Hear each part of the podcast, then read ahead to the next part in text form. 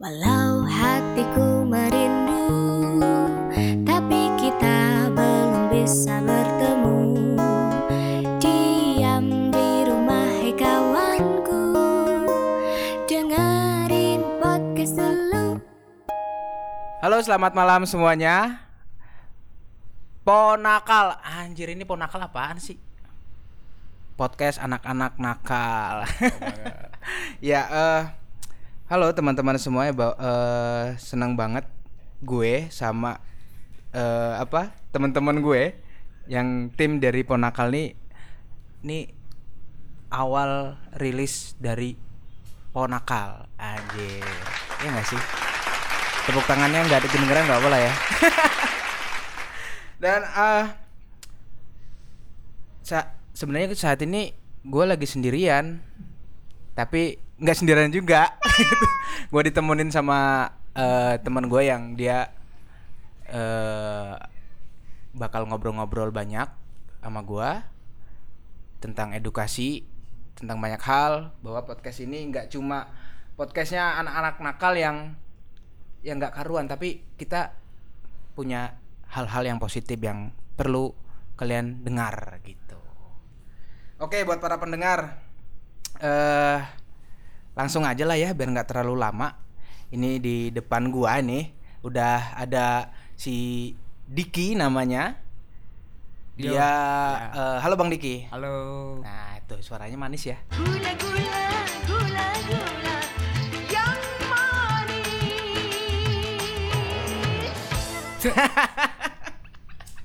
halo bang Diki ya Ya, ya. Nah, gua mau ngobrol sama Bang Diki nih soal eh, temanya malam ini yaitu tentang lucid dream. Apa tuh? Nah, harusnya gua dong yang nanya kayak gitu. Apa tuh? Lucid. lucid dream ya. Nah, eh teman-teman tahu nggak sih apa itu lucid dream? Gua aja nggak tahu. Gua baru tahu kemarin tahu nggak sih lo?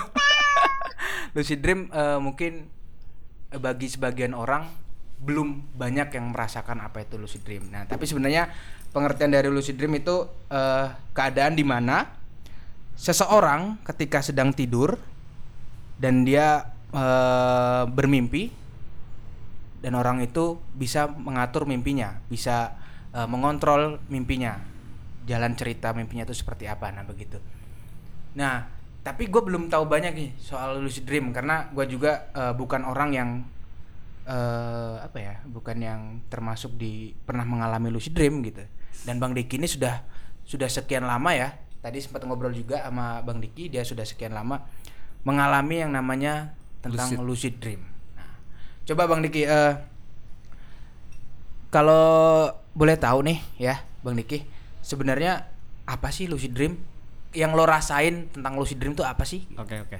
Eh, kalau cari definisinya, gue nggak paham juga. Tapi dari apa yang dibaca ya, beberapa hal yang dibaca tuh dicocokin sama kondisinya gua.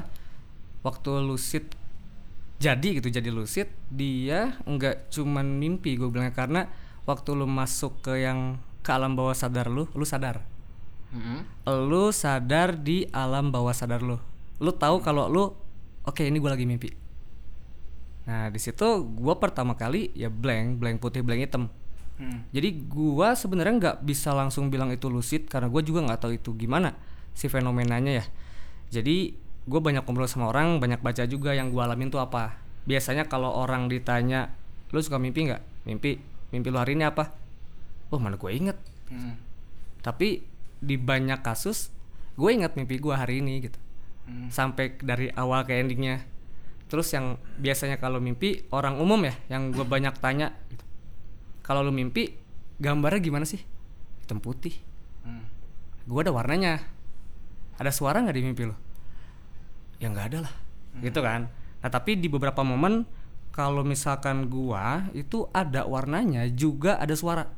Hmm. jadi gue dengar suara. Jadi terlihat nyata ya? nyata banget. Ah. jadi gua di awal-awal gua nggak tahu ini gua lagi bangun atau lagi tidur gitu kondisinya. Jadi ketika gua udah ngerasa loh yang tadi ke mana? Eh, peristiwa yang tadi kejadian ke mana? Oh ternyata itu bukan di sadarnya gua. Di alam bawah sadarnya. Dan itu berulang kali begitu. Di awal ngerasain depres depres juga. Takut ya terus ngerasa ini apaan sih? Gitu. Ada yang bilang ya itu seleksi alam ki. Ada beberapa orang dapat gesekan trigger yang nggak tahu apa jadi bisa begitu. Kalau bahasa bisa jadi bisa begitu ya mungkin bisa dilatih atau dicari. Gua nggak ngerasa gua ngelatih itu untuk jadi bisa ya ada yang bilang mungkin kalau orang Sunda bilang erep-erep nah gua nggak tahu nih bahasa bahasa KBBI-nya erep-erep nih apa nih Atau eh, ketindian. ketindian. Ketindian gitu ya. Tapi ketika gue cari di literatur dia bahasanya sleep paralysis. Itu ketika kondisi fisik lu eh, udah capek banget tapi otak lu masih pengen kerja. Hmm. Oke, berarti nah itu lu ngalamin sleep paralysis. Orang kita bilangnya ketindihan atau erep-erep. Jadi Tapi, otak otak lu eh, masih pengen kerja gitu. Kalau apa eh, boleh ini ketindian sama lucid dream itu beda nggak sih? Menurut gue beda. Eh, menurut gue ya karena orang perspektifnya ketindihan tuh hubungannya sama spiritual. Nah gue di lucid nih nggak ada sama sekali yang horor, yang hantu. Gak ada mistisnya ya. Gak ada, itu benar-benar yang kadang di mimpi gue ya slice of life gitu. Atau lebih seringnya kayak pengantar, pengantar buat jadi ke sesuatu yang bisa gue ciptain, atau sesuatu yang bisa orang lain ciptain lewat gue. Nah ini kan triggernya kan mulai 2010. 2010 tuh gue mulai masuk kuliah jurusan DKV, desain komunikasi visual. Ini dituntut tiap harinya lu pakai otak kanan. Hmm. Nggak ada deh lu yang eh, untuk anak DKV tuh 2 tambah 2 nggak selalu sama dengan 4 Hmm. jadi kita nggak bisa yang dikasih dogma 2 tambah 2 tuh 4 no, nggak kayak begitu sistemnya. Jadi otak kanan lu dipakai lebih buat mikir. Nah, itu ketika banyak ide kadang gua ngerasa gua konseptor ya. Dalam artian gue punya banyak ide tapi nggak pernah gue eksekusi, ketimbun di kepala. Nah, si lucid ini kadang eh, ngelakuin apa yang gua pikirin di situ. Hmm. Dia ngelakuin begitu gua lihat di lucid itu ngapain, gua ciptain di dunia realnya gua Hmm. ya jadi something lah gitu nah ini kalau misalkan ngomongin lucid eh gue bisa atur kayak misalkan oke gue udah bangun ada ada kayak plotnya ini bakalan blank hitam dulu nih blank hitam terus gue sadar oke gue udah masuk ke alam bawah sadar gue Ah. Oke, sekarang gue bangun, gue bisa lihat jari gue kayak gimana, gue tahu gue pakai baju warna apa gitu. Terus keliling gue blank hitam tuh gue bisa gue bikin. Ah, gue pengen bikin backgroundnya, misalkan eh, tembok putih kosong, ruangan 4 kali 4 jedar. Sespesifik itu ya. 4 kali 4 ornamennya begini, awalnya kosong, ada ornamen ornamennya gini gini gini gini. Gue hadirin orang-orang yang pengen gue ajak ngobrol di situ. Eh, biasanya orang-orang yang pengen gue ajak ngobrol ya orang-orang yang gue kenal. Tapi di beberapa kejadian di mimpi itu ada distract kayak ada orang di situ yang gue nggak tahu itu siapa. Nah itu yang yang jadi permasalahan buat lucidnya gue adalah di beberapa momen itu gue selalu ketemu si Diki umur lima tahun.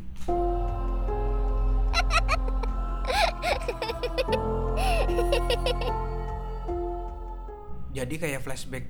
Bukan flashback, gue ketemu gue umur lima tahun. Oh gitu. Ini yang bikin gue takut. Jadi lu ngeliat diri lu di umur lima tahun gitu. Gua kadang framingnya gini. Kalau misalkan ada ada dua framing gini, gua sudut pandang orang pertama ngobrol sama Diki umur lima tahun. Hmm. Di sisi lain, gua sudut pandang orang ketiga, kayak gua lihat ke layar, ngelihat gua yang sekarang ngobrol sama si Diki umur lima tahun. Dan gue dengar apa yang mereka omongin gitu. Oh, tapi Itu mereka tuh nggak tahu ada lo di situ. Nggak tahu kondisinya kalau di situ. nah itu, Itu eh kayak apa kembali ke waktu lalu ya? gua nggak tahu gue yang pulang apa dia yang datang. Gua nggak tahu. Jadi ketika gue bicara gue mimpi begini, tapi gua nggak mau bilang itu mimpi karena gua real ngerasanya gitu. Terus orang-orang yang sekitar yang dengar, ya udah kali lu cuma mimpi doang ya bunga tidur yang mau diapain lagi. Cuman ini berkelanjutan, terus-terusan gitu. Nah sampai ada akhirnya orang yang sepositif itu nerima kalau gua ngalamin hal itu, terus dia nanya apa yang lo omongin di sana? Ya gua kok nggak fokus ke yang gua omongin di sana ya ya udahlah ntar kita cari lagi aja kalau ketemu momen mimpi kayak begitu lagi. Karena awalnya kan gua nggak ciptain itu. Itu terjadi dengan sendirinya. Sampai di satu waktu gua itu lagi kesulitan banget nyari ide tugas kampus. Itu disuruh bikin trimatra. Eh, trimatra tuh kayak patung sculpting gitu cuman nggak mahat. Dia dikasih temanya tuh balancing keseimbangan. Bikin patung temanya keseimbangan. Bahannya apa aja terserah itu gue mati ide di situ. Mhm. yang biasanya gua eh, banjir ide mati ide tidur. Di, di, di tidurnya gua tuh gua ketemu si Diku umur lima tahun. Hmm. dia lagi ngebelakangin gua duduk. Terus oke gua udah mimpi. Oke ini ada si Diku umur lima tahun. Kenapa itu? Kenapa gua tahu dia umur lima tahun? Hmm. pertanyaan kan gitu. Gua inget baju yang dia pakai. Itu baju yang gua punya di umur segitu. Oh gitu. Oke, gue ingat begitu bentukannya begitu. Eh, sekeliling dia tuh ya apa yang gue punya. Ada komik, ada Lego, itu barang-barang dari kecil gue yang selalu ada lah. Hmm, tapi kegiatan itu pernah lo lakuin di Pernah jelas, Pernah pernah, ya? banget, selalu sampai sekarang, Hmm. sampai detik ini. Nah itu dia cuman eh, ngasih lihat karya, dia ngebalik badan, megang megang patung, Hmm. dia bilang bikin ini. Terus gue lihat tuh bentuknya gimana, bahannya apa, Hmm. tapi gue nggak nanya nggak ini bahannya apa, ini nyarinya di mana, enggak, gue cuman lihat, gue bangun tidur, sewaktu gue bangun tidur gue minta, bukan minta, gue nyari kertas, gue nyari pensil, gue gambar, gue desain apa yang gue lihat di mimpi gue, gue cari bahannya dengan tidak wajar nyarinya. Hmm. Jadi gue waktu itu sampai ngomong gini, e, gue kayaknya harus ke belakang kampus Pakuan di daerah Cihelet di sana ada orang nggak tahu narok kaca nako bekas di pinggir jalan itu bahannya soalnya. Gue jalan bawa motor ke sana. Ah, pada akhirnya lo nyari bahannya ke sana. Nggak nyari karena di mimpi kan gue nggak tahu bahannya Ah. ke mana. Terus pas gue bangun gue ngomong gitu. Ini terlalu nggak normal sih sebenarnya. Hmm. Buat orang yang dengar kalau nggak percaya harusnya lu nggak percaya ya. Karena kalau yang percaya ya harusnya yang kenal deket aja sama gue. Segila Iya. itu gitu. Dan ini nggak sekali untuk sampai ke sekarang nggak sekali itu kali pertamanya tuh yang Ah. awal gilanya. Jadi gue bener-bener jalan ke sana ngikutin bukan kata hati, bukan bisikan no, nggak nggak kayak gitu. Nggak tahu. Jarang-jarang gue ngelakuin hal yang nggak gue pikirin dulu. Gue typical thinking. Hmm. Jadi gue bakal mikir dulu sampai ke kemungkinan terburuk. Jadi gue nggak tahu saat itu gue jalan, ada bahannya gue bawa ke rumah, gue bikin bentuk sama persis kayak yang si Diki umur 5 tahun bikin. Gue bawa ke kampus, gue kasih ke dosen, nilainya A plus. Wow. Itu gue bikin judul karyanya jengah. Iya, eh tapi apa? Ini ini menarik ya karena dari cerita si Diki ini bahwa yang awalnya dia tapi tapi itu tadi awal pertama ya lo ngelawan lucid, eh, lucid ya? Itu bukan pertama, itu trigger paling kenceng ya. Oke. Jadi gue ngerealisasiin apa yang ada di dalam mimpinya. Heeh. Itu gue realisasiin di dunia nyatanya. Jadi kayak itu malah ngebantu lo ya? kalau dipikir ya? ngebantu biarpun awalnya gue takut karena kan awalnya nggak dia langsung ngasih tahu lo lagi bingung ini ada karya yang lagi lu butuhin karyanya bikin ini gih gitu nah setelah yang dari itu baru begitu terus sampai teman-teman kampus gue nanya lu tiap kali bikin karya kok idenya nggak pernah mati ki terus gue dalam mati dari beberapa orang gue omongin langsung yang ngasih ide bukan gue tapi gue umur lima tahun pas gue tidur ya jelas gue dianggap sakit di situ ada yang menganggap lo sakit. Eh jelas banyak. Oh gila lu. Biarpun mungkin bercanda ya. Dia mungkin mereka juga mikirnya gue ngomong nggak serius gitu. Cuman beberapa orang gue bilang beberapa orang yang positif sepositif itu menilai gue gitu ya dengan warasnya gue dan warasnya dia. Ya udah nikmatin aja. Itu yang ngebantu gue. Jadi ketika gue kadang jadi gue nyari gitu. Eh gue kayak gue harus tidur deh buat dapet sesuatu gitu. Gue nggak bilang itu wangsit atau nomor togel atau sialan apa pun lotre kayak gitu. Tapi di situ ada. Jadi karya yang gue bikin waktu gue di kampus itu semata-mata bukan dari pas gua sadar diem di meja kerja gua tiba-tiba lahir ide gua bikin nggak kadang begitu gua baru bangun tidur gua gambar dari apa yang gua lihat di mimpi gua Tapi eh, kalau boleh tanya apa namanya ketika lo mau bikin sesuatu yang Hmm. lo nggak bisa gitu ya. Apa lo harus tidur dulu baru nemuin? nggak juga Nggak juga ya? kadang kadang emang nggak dapat dari situ semua emang bener-bener lagi lagi sadar gua kepikiran bikin konsep begitu ya udah gua bikin Hmm. Nah itu kan pertama triggernya dari karya ya maksudnya gue bingung bikin sesuatu yang sifatnya karya dari Ya. tugas dibantuinnya di situ gitu.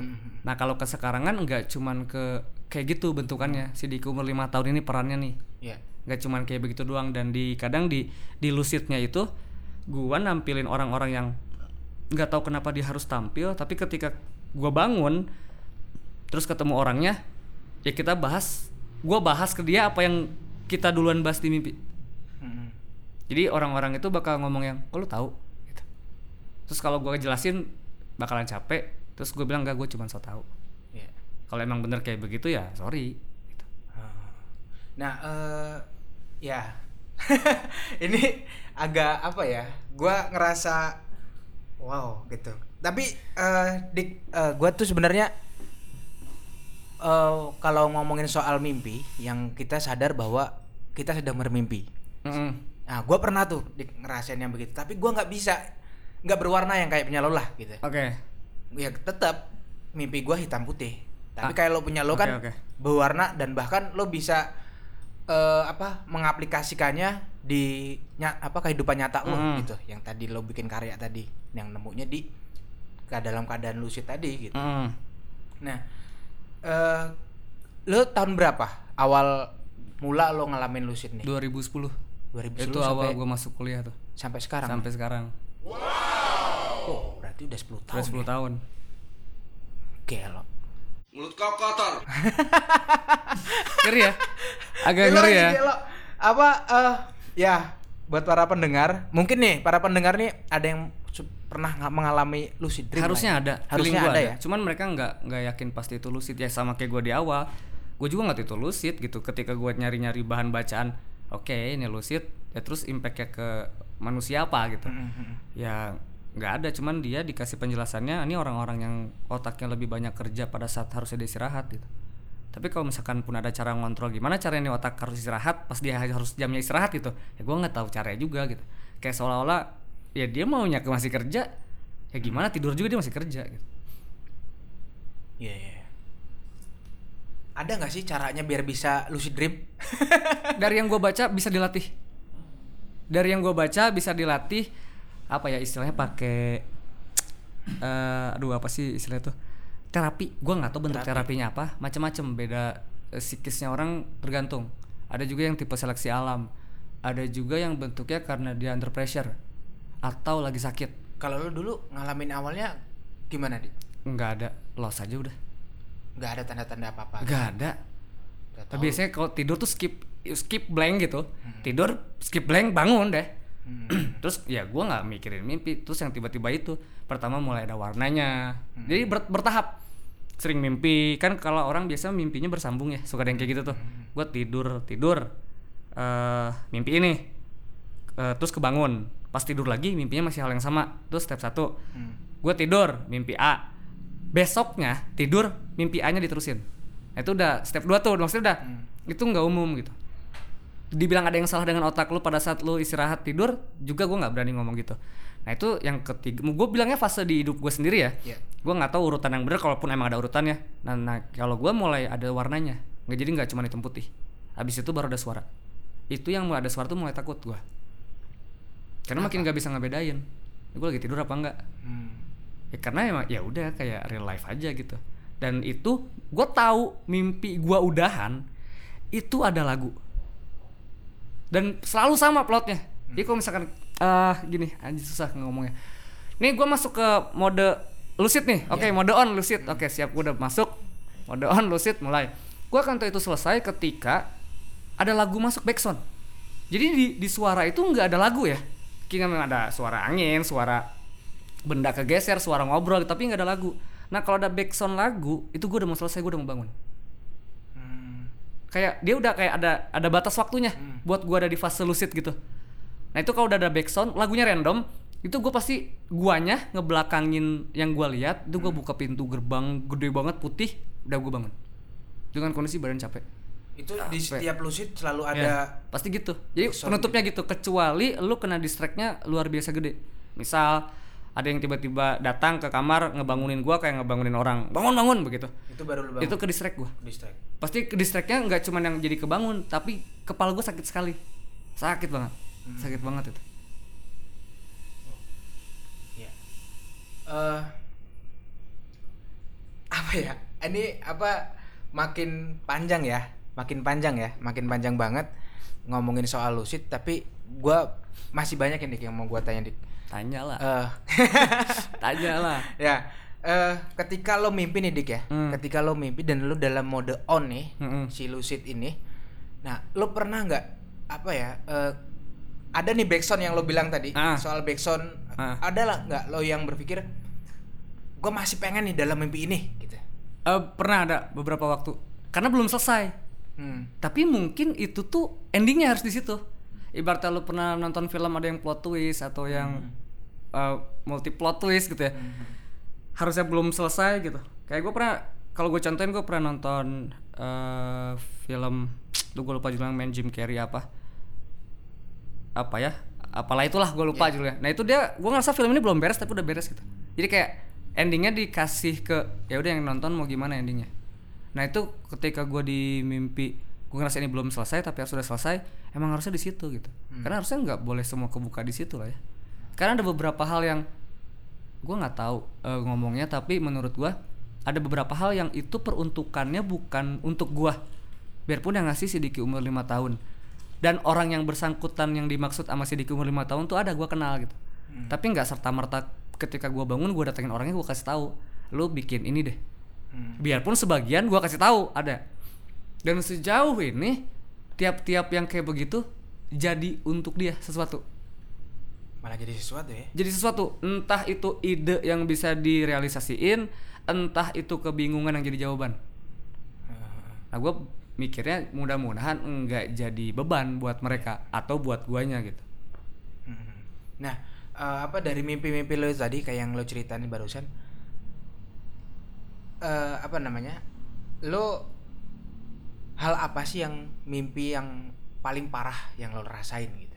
yang paling parah ya Yang paling parah itu dalam dan dalam hal yang anjing nih mimpi apa bikin gue sengsara lah misalkan gitu, bikin lo sakit gitu.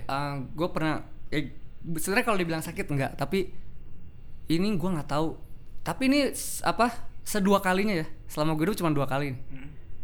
gue nggak tahu ini emang di keputusan gua atau emang si fase lucidnya makin ngaco jadi gua coba bikin konsep misal misal lu nih dan gue pengen lu sama gua ketika bangun kita mimpi hal yang sama Hmm.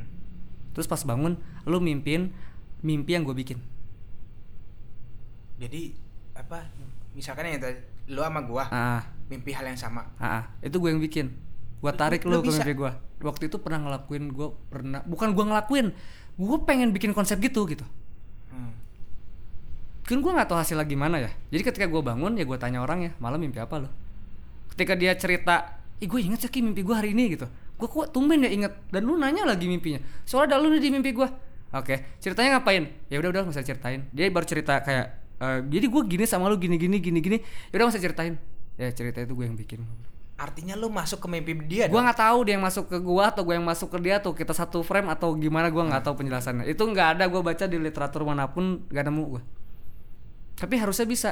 Ini nggak tahu sih gue nggak tahu nggak mau bilang harusnya. Soal itu tapi maksud gue itu tuh bener komongin gitu. Berarti kan terjadi. Dan itu sedua kalinya maksudnya dua kali dengan dua orang yang berbeda. Itu posisi lo dalam eh, mode on nih si Mode on. Terus lo gue apa, tarik dia. Lo maksudnya gue dengan sadar ah, gue pengen dia ada di sini. Kita ngebahas ini tapi nempel di dia.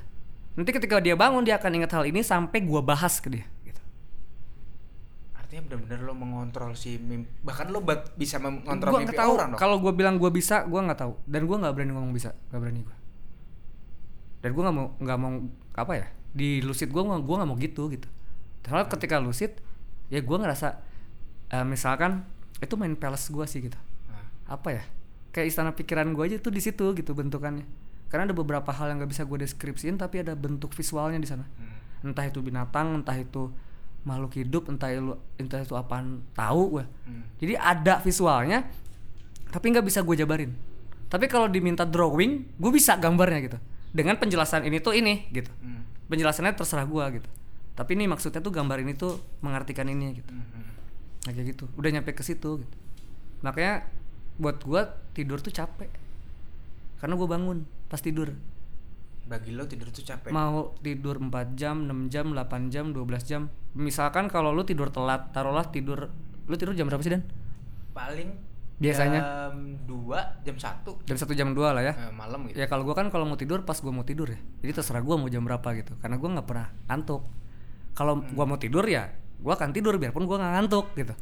Nah itu gua nggak tahu itu fase yang gara-gara lucid kah atau emang gua punya penyakit susah tidur gua nggak bilang insomnia ya kalau insomnia berhari-hari tidak tidur Hmm. no gua tiap hari tidur tapi jamnya terserah gua Lo yang ngatur sendiri. Iya, jadi gua akan bikin keputusan kalau gua mau tidur ya gua akan tidur, mau Tapi- ngantuk ataupun tidak. Perasaan ngantuk lo itu lo bisa ciptain sendiri artinya. Gua nggak nyiptain ngantuk buat tidur nggak, gua tidur, gua gua mutusin tidur buat tidur gitu. Tanpa gua ngantuk gua tidur bisa, Oh my god. gitu. Jadi kalau misalkan gua ngalamin ngantuk itu buat gua rezeki. Dan itu pernah sering kali juga gua ngerasa ngantuk ya, sering kali juga. Ketika kayaknya ketika otak gua capek tuh. Soalnya gua oh, orang-orang bilang gua overthinking, bukan negative thinking ya. overthinking. Padahal semati-matinya gue, gue pengen hidup tuh positive thinking, positive feeling. Hmm. Yang positive feeling agak susah nih. Gue orang kepala bukan orang hati gitu. Mudah-mudahan seimbang gitu. Nah makanya ketika lu bangun tidur nih kalau kalau gue bangun tidur mau tidurnya 12 jam sakit badan gue. Gak ada tuh yang bangun seger wah gitu ngulet badan gitu seger nggak.